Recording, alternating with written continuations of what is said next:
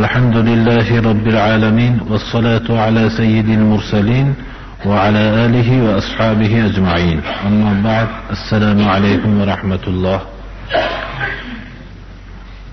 avvalgi darsimizda namoz sifatiga da'vat qiluvchi kishi ega bo'lmoqligi kerakligini va besh vaqt namoz haqidagi fazilatlarni va shu bilan birga da'vat qiluvchi kishi farzning o'zigagina kifoyalanib qolmasdan e, navofillar bilan ham mashg'ul bo'lmoqlik kerakligini bayon qiluvdik. Va shu navofillarning mashru bo'lgan navofillar qaysi ekanliklari ham bayon qilingan bo'ldi.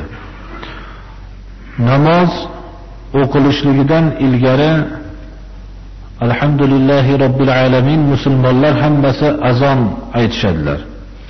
Azonning fazilati haqida abu hurayra roziyallohu anhudan rivoyat qilinadiki payg'ambarimiz sollallohu alayhi vasallam aytdilarki إذا نودي للصلاة أدبر الشيطان له ضرات حتى لا يسمع التأذين فإذا قضى النداء أقبل حتى إذا ثوب بالصلاة أدبر حتى إذا قضى التثويب أقبل حتى يخطر بين المرء ونفسه يقول اذكر كذا اذكر كذا بما لم يكن يذكره حتى يظل الرجل لا يدري كم صلى إمام بخاري رواية قilganlar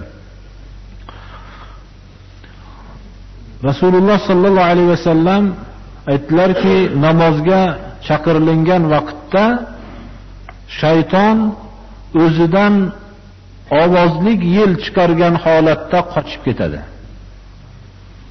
Hatto ozonni eshitmaydigan joygacha qochadi. Ozonni ado qilingandan keyin yana qaytib keladi. Hattoinki namozga takbir aytilingan vaqtda yana chekinadi.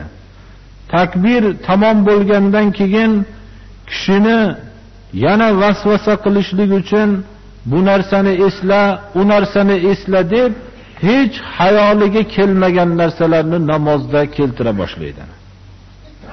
Hatto kishi necha rakat namoz o'qidimikin degan shubhada paydo bo'lguncha shayton kishi bilan vasvasa qilishlikka harakat qiladi.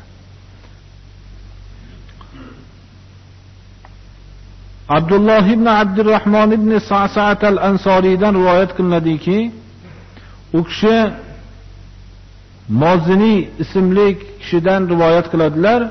Abu saidinil hudriy bu moziniy ismli kishiga aytdilarki إني أراك تحب الغنم والبادية فإذا كنت في غنمك أو باديتك فأذنت للصلاة فارفع صوتك بالنداء فإنه لا يسمع مدى صوت المؤذن جن ولا إنس ولا شيء إلا شهد له يوم القيامة قال أبو سعيد سمعته من رسول الله صلى الله عليه وسلم إمام بخاري رواية قلقلان abu saidinil hudriy aytdilarki moziniy ismli kishiga men sizni qo'y va sahrolarni yaxshi ko'rishligingizni ko'raman ya'ni qo'y bilan sahrolarga chiqib ketganligingizni ko'raman agar shu qo'y boqishlik bilan mashg'ul bo'lgan vaqtlaringizda sahroda turgan vaqtingizda namozga azon ayting va ovozingizni baland ko'taring. Chunki muazzinni ovozini tovushini biror jinmi insonmi yoinki jonsiz bir mavjudot eshitar ekan qiyomat kuni shuning azon aytganligiga mo'minligiga guvohlik beradi dedilar.